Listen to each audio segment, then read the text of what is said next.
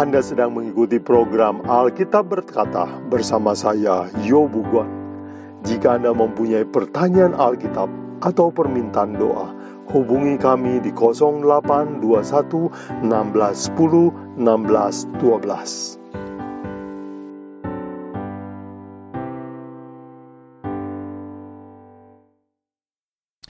Saudara sekalian, topik kita hari ini adalah hukum ketujuh, jangan berjinah.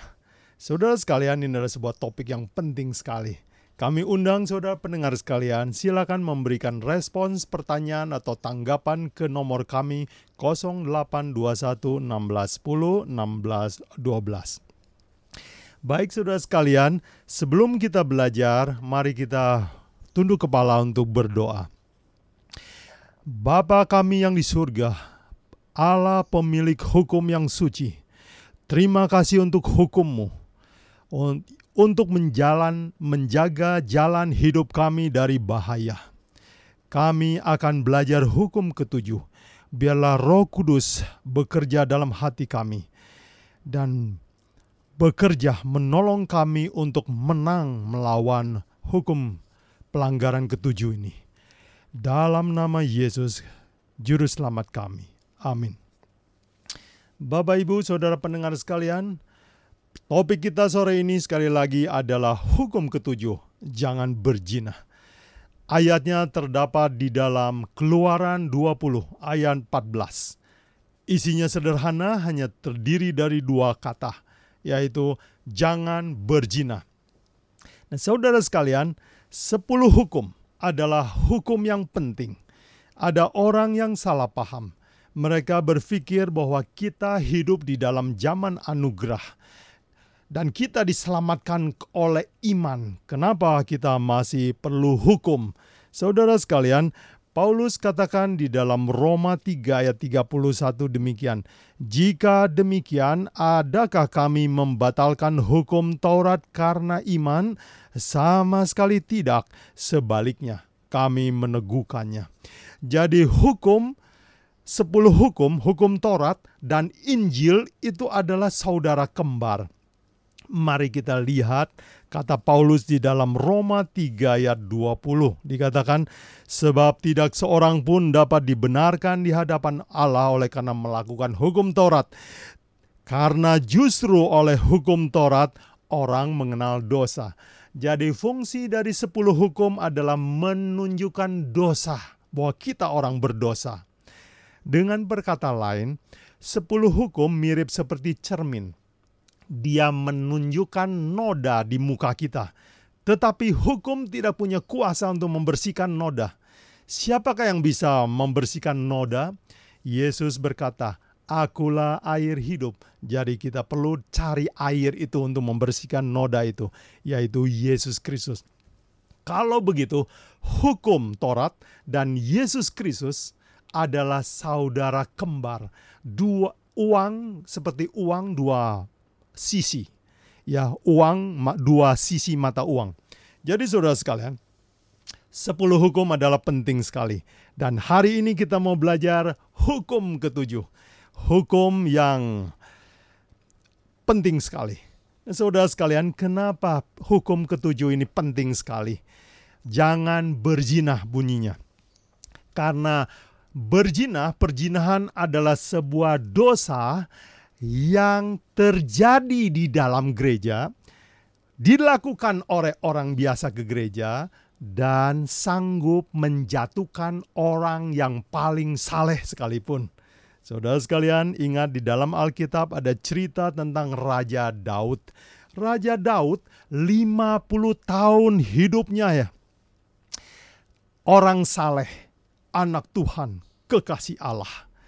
Tetapi dalam catatan 2 Samuel 11 ayat 1 dan 2 firman Tuhan mencatat Daud punya waktu kosong lalu dia mulai berjalan di atas soto rumah dan melihat orang mandi dalam keadaan telanjang tentunya dan dia jatuh dalam dosa. Dan saudara tahu bahwa Raja Daud sejak jatuh dalam dosa dia hidup dalam kesusahan. Dia menyaksikan keluarganya berantakan.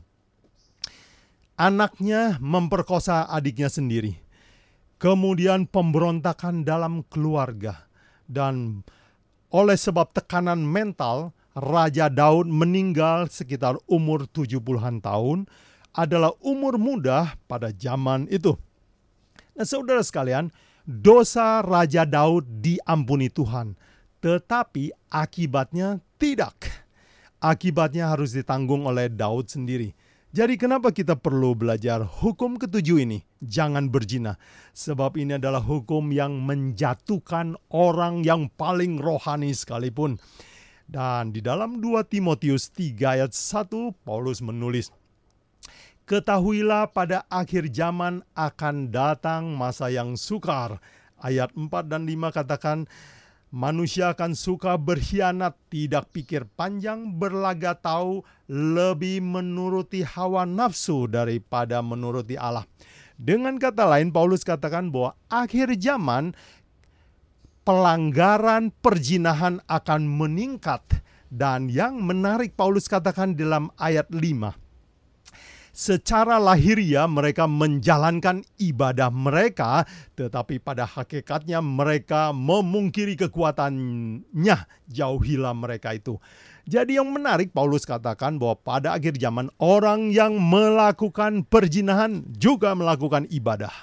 Bukan main saudara sekalian, sebuah peringatan yang luar biasa kepada kita. Matius 24 ayat 37 dan 38 Yesus berkata, Sebab sebagaimana halnya dengan zaman Nuh, demikian juga kelak pada kedatangan anak manusia. Sebab sebagaimana mereka pada zaman air bah makan minum kawin dan mengawinkan sampai Nuh masuk ke dalam batrah. Yesus meramalkan juga bahwa menjelang hari kedatangan Yesus, pelanggaran hukum ketujuh, perjinahan akan meningkat. Itu sebabnya saudara sekalian, kita perlu belajar hukum yang penting ini. Jangan berzina. Saudara sekalian, tahukah saudara bahwa ada orang berkata, kenapa di abad ke-21 ini masih perlu belajar hukum ketujuh? Bukankah semua orang juga melakukan hal tersebut? Tahukah saudara bahwa Tuhan menyuruh kita jangan berzina. Ada maksudnya saudara sekalian. Sebab Tuhan tahu bahwa pelanggaran hukum ini dampaknya merusak sekali. Saya catat di sini efek samping dari berzina adalah satu, rasa bersalah jauh dari Tuhan. Mungkin juga bisa menimbulkan gangguan jiwa. Yang kedua, saudara sekalian, rumah tangga hancur. Bapak Ibu lihatlah di sekeliling kita berapa banyak rumah tangga hancur karena salah satu berzina. Ada seorang memberikan ilustrasi betapa mengerikannya perzinahan. Dia suruh lem dua buah kertas. Setelah dilem, setelah kering, dia suruh lepaskan kedua kertas tersebut. Apa yang terjadi saudara sekalian? Sobek bukan? Begitulah pernikahan. Bila mana sudah terjadi pernikahan dan terjadi perceraian, maka hasilnya bentuknya jelek sekali. Sakit hati, rumah tangga terpisah, anak, ayah, ibu semua berpencar. Saudara dengan saudara jadi tidak dekat lagi. Dan yang ketiga saudara sekalian, Bahaya dari berzina adalah bisa membawa kerusakan fisik, kerusakan nama, bahkan kehancuran keuangan dari keluarga kita.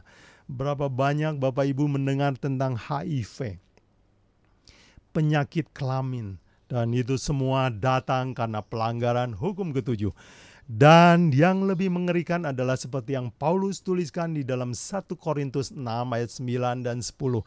Atau tidak tahukah kamu bahwa orang yang tidak adil, orang yang tidak benar tidak dapat bagian dalam kerajaan Allah. Jangan sesat, orang cabul, penyembah berhala, orang berzina, banci, pemburit, pencuri, pemabuk, pemfitnah, penipu, tidak akan mendapat bagian dalam kerajaan Allah. Berzina tidak akan mendapat bagian dalam kerajaan Allah. Jelas sekali Paulus katakan. Bapak, Ibu, Saudara sekalian, kalau begitu pelajaran berzina, jangan berzina adalah pelajaran yang penting sekali untuk kita ketahui. Sekarang kita mau belajar apa sih yang disebut berzina itu. Untuk mengetahui apa yang disebut berzina, kita harus belajar apa yang Tuhan rencanakan semula untuk manusia. Kita baca misalnya di dalam kejadian 1 ayat 27 disebutkan bahwa Allah menciptakan laki-laki dan perempuan, dua jenis kelamin, menurut gambar Allah. Lalu apa yang Tuhan lakukan? Kejadian 2 ayat 24 dikatakan, ke, lalu keduanya menjadi satu daging. Jadi kalau begitu, siapakah yang menciptakan hubungan seksual? Yaitu Allah sendiri. Kalau begitu saudara sekalian, Tuhanlah yang menciptakan hubungan pria dan wanita, suami dan istri. Tetapi saudara sekalian, apakah ada batasnya? Tuhan memberikan tiga batasnya. Kita bisa dapat di kejadian 2 ayat 22. Tuhan membuat Hawa dari rusuk Adam dibangun perempuan, lalu perhatikan Alkitab katakan, lalu dibawanya kepada manusia itu. Jadi Tuhanlah yang mengantarkan Hawa untuk menjadi istri dari Adam, diantar oleh Tuhan. Dalam bahasa kita sekarang dinikahkan. Kalau begitu, syarat perkawinan, syarat supaya seorang pria boleh berhubungan dengan seorang wanita adalah satu, dalam ikatan pernikahan. Yang kedua, ketika dalam kejadian 2 ayat 23, Adam ketika melihat Hawa dia katakan, inilah tulang dari tulangku, daging dari dagingku. Apa artinya? Artinya Adam mengasihi Hawa seperti tubuhnya sendiri. Kalau begitu, syarat kedua tentang rumah tangga, hubungan suami istri adalah harus berdasarkan kasih. Dan yang ketiga, Tentu saja hubungan ini harus antara seorang laki-laki dewasa dan seorang wanita dewasa. Dan tiga prinsip ini adalah rencana Tuhan. Jadi kalau begitu, hubungan seksual antara seorang pria dengan wanita, Tuhan bungkus tiga lapis. Lapis pertama disebut pernikahan, lapis kedua cinta, lapis ketiga harus antara seorang pria dan seorang wanita. Tetapi saudara sekalian, manusia nah, melanggar perintah ini. Jadi sekarang kita mau bertanya, apa yang disebut berzina itu? Berzina adalah melanggar satu atau tiga pembatas ini. Saudara sekalian, kalau begitu, arti pertama dari berzina adalah mengadakan hubungan seksual di luar nikah dan itu jelas sekali dan mudah kita pahami. Di luar pernikahan itu adalah pelanggaran hukum ketujuh. Sekarang pelanggaran prinsip kedua yaitu uh, dilakukan tanpa cinta atau pemuasan nafsu.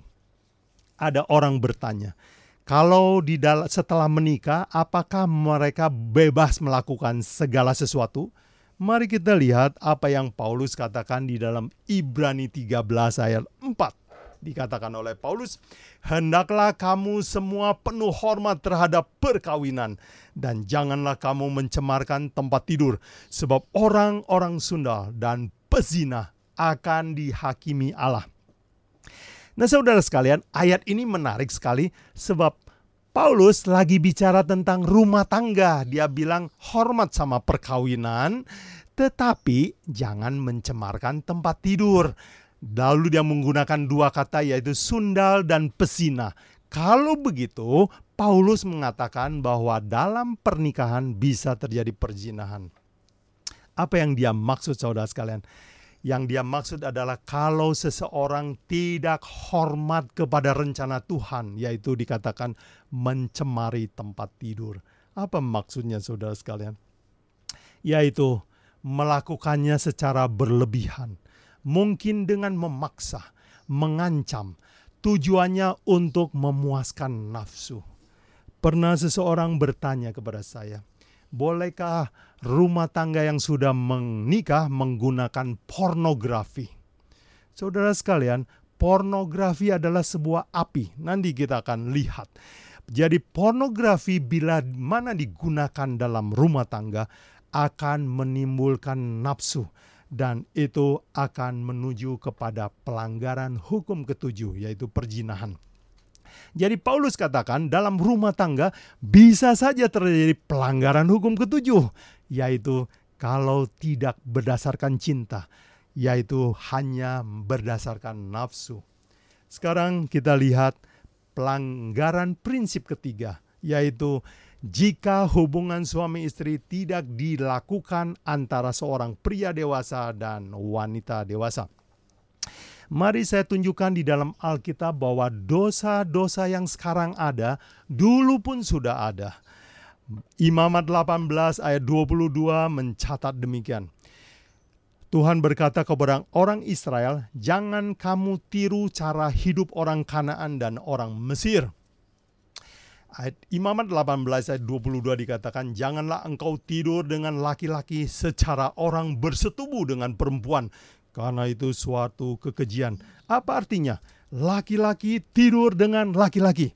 Bahasa modernnya kita sebut homoseksualisme, lesbianisme Saudara sekalian, dosa yang hari ini ada, dulu pun sudah ada.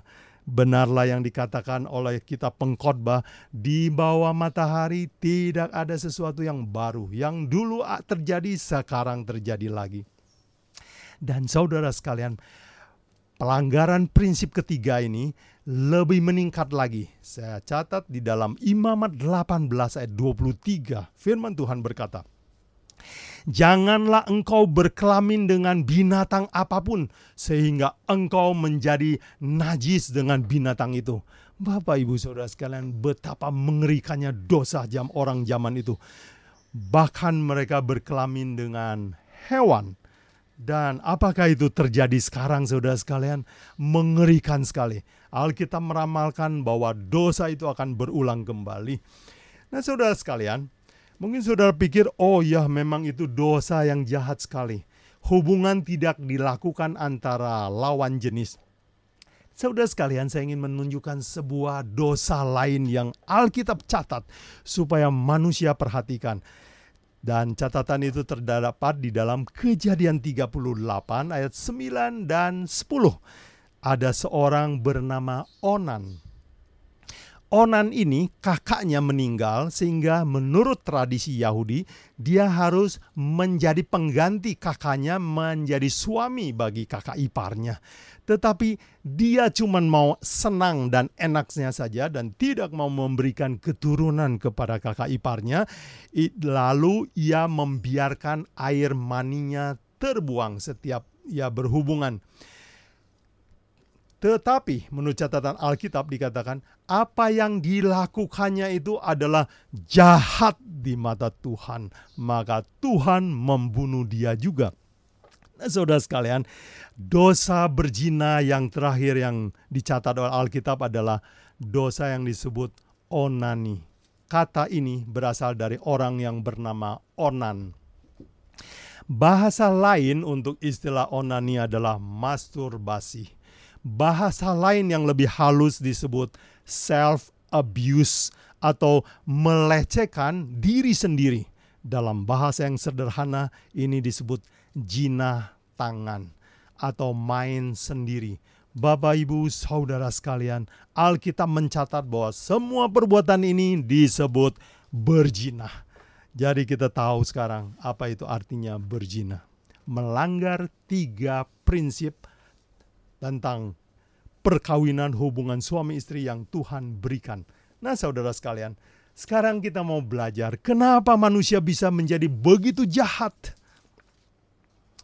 Matius 5 ayat 27 dan 28, Yesus memberitahukan kepada kita akar masalah dari perjinahan. Akarnya. Mari kita baca. Kamu telah mendengar firman, jangan berzina. Tetapi aku berkata kepadamu, setiap orang yang memandang perempuan serta menginginkannya sudah berzina dengan dia dalam hatinya. Jadi apa yang Yesus katakan bahwa akar dari segala perjinahan bermula dari pikiran saudara sekalian. Dan sumber segala masalah ini adalah pikiran. Dan pikiran jalan masuknya adalah panca indera. Kalau begitu, yang harus dijaga supaya kita jangan berdosa adalah jalan masuk kepada panca indera kita. Baik saudara sekalian, jalan masuk pertama adalah memandang atau mata pikiran kita. Ma, ah, sorry, pendengaran kita. Mari saya baca di dalam Efesus 5 ayat 3 dan 4. Tetapi Paulus nasihatkan, percabulan dan rupa kecemaran, keserakahan, disebut saja pun jangan di antara kamu, sebagaimana sepatutnya orang kudus. Demikian juga perkataan kotor, kosong, sembrono, karena hal itu tidak pantas. Sebaik, sebaliknya ucapkanlah syukur. Apa yang Paulus katakan? Jangan suka guyon porno. Orang Kristen tidak pantas berguyon porno, Sebab guyon-guyon itu akan memberi toleransi kita terhadap dosa hukum ketujuh. Dan toleransi itu membuat kita semakin kendor untuk menjauhi dosa tersebut. Jadi percakapan-percakapan harus dijauhkan. Yang kedua saudara sekalian, pakaian yang menggoda. Di dalam 1 Timotius 2 ayat 9 dan 10 Paulus menasihatkan demikian juga hendaknya perempuan dandan dengan pantas sopan dan sederhana. Bapak Ibu Saudara sekalian, pakaian menggoda. Tahukah saudara bahwa pakaian yang menggoda me, jika memberi gambaran tentang ketelanjangan itu bisa menjadi pencobaan dan jalan masuk melanggar hukum ketujuh. Ada pria-pria yang terlalu ramah, singkatan dari rajin menjamah. Terlalu sering menyentuh lawan jenis juga membuka pencobaan terhadap hukum ketujuh. Yang terakhir saudara sekalian, pornografi. Pornografi artinya memandang sesuatu gambar-gambar yang ketelanjangan saudara sekalian ini adalah sebuah dosa yang membanjiri zaman modern sekarang dan menjadi kecanduan modern. Bu, selain kecanduan rokok, kecanduan obat, sekarang manusia modern kecanduan pornografi. Di dalam 6, Amsal 6 ayat 27 sampai 29 firman Tuhan berkata demikian. Dapatkah orang membawa api dalam gelembung baju dengan tidak terbakar pakaiannya? Atau dapatkah orang berjalan di atas bara dan tidak hangus kakinya? Demikian juga orang yang menghampiri istri sesamanya, tiada seorang pun yang menjamanya dan luput dari hukuman. Dengan berkata lain, perjinahan itu seperti bermain api, saudara sekalian pornografi adalah api. Bila mana saudara telah mulai, apinya akan susah dipadamkan dan bahaya sekali. Bahayanya adalah kecanduan. Bahkan ada yang melamporkan bahwa kecanduan pornografi bisa menimbulkan disfungsi ereksi, kurangnya hormon testosteron, dan menimbulkan penyimpangan-penyimpangan seksual. Saudara sekalian, sekarang kita sudah selesai dengan pembahasan bahwa akar masalah dari perzinahan adalah pikiran.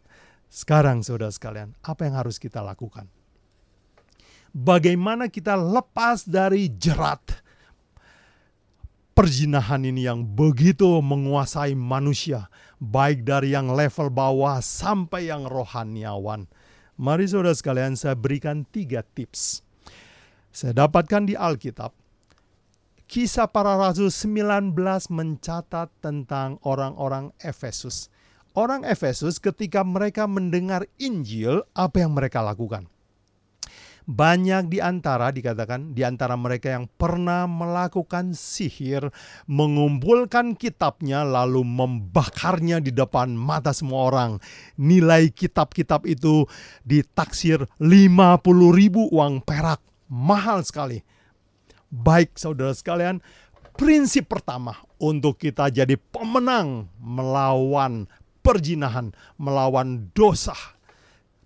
Hukum ketujuh adalah satu, bakar, delete, hapus, buang kalau itu ada di dalam komputer atau HP saudara. Yang kedua, saudara sekalian, Mazmur 119 ayat 9 sampai 11 mengatakan, dengan apakah seorang muda mempertahankan kelakuannya bersih dengan menjaganya sesuai dengan firman-Mu. Kalau begitu, supaya kelakuan kita jadi bersih, bukan hanya kita buang barang-barang pornografi, tetapi kita harus isi otak kita dengan sesuatu yang baru, yaitu firman Tuhan. Dan biarkan firman itu bertumbuh di dalam pikiran saudara. Nah, terakhir saudara sekalian, Yesus berkata di dalam Yohanes 15 ayat 5. Akulah pokok anggur dan kamulah ranting-rantingnya. Barang siapa tinggal di dalam aku dan aku di dalam dia, ia berbuat banyak. Sebab di luar aku, kamu tidak dapat berbuat apa-apa. Saudara sekalian, tips pertama, bakar, buang. Banyak yang sanggup melakukannya, saudara sekalian belajar firman Tuhan. Banyak juga yang melakukannya, tetapi sering kali kembali lagi jatuh ke dosa yang sama. Sekarang Yesus memberikan rahasia tertinggi dari kemenangan melawan dosa adalah katanya, tinggallah dalam aku dan aku di dalam kamu. Gaul erat bersama Yesus. Itulah rahasia kemenangan kita keluar dari dosa hukum ketujuh ini. Bapak, Ibu, Saudara sekalian, mengakhiri pembicaraan saya, saya ingin mengutip sebuah ayat indah dalam Wahyu 2 ayat 7. Wahyu 2 ayat 7 mengatakan, Siapa bertelinga, hendaklah ia mendengarkan apa yang dikatakan roh kepada gereja-gereja atau jemaat-jemaat. Barang siapa menang, ia akan kuberi makan dari pohon kehidupan yang ada di taman Firdaus Allah. Yesus mengatakan, janjikan kepada gereja-gereja, barang siapa menang akan masuk surga. Nah, perkataan ini, barang siapa, siapa menang, apa artinya saudara sekalian? Artinya menang melawan dosa. Dan itulah arti nama Yesus bukan? Juru selamat yang menolong kita keluar dari dosa. Bapak, Ibu, Saudara sekalian, kita telah belajar. Dan sekarang kita mengetahui bahwa sedikit atau banyak kita telah melanggar hukum ketujuh dan kita adalah orang berdosa. Dan orang berdosa perlu datang kepada Yesus Kristus untuk minta pertolongan. Dan kalau dia telah menyuruh kita dengan berkata, "Jangan berzina." Tentu saja dia juga akan memberi kekuatan kita untuk menurutinya. Semoga saudara pendengar sekalian menjadi para pemenang sampai berjumpa di dalam kerajaan yang Tuhan sediakan buat kita. Tuhan memberkati. Amin. Jika Anda mempunyai pertanyaan Alkitab atau permintaan doa, hubungi kami di 0821 1610 1612.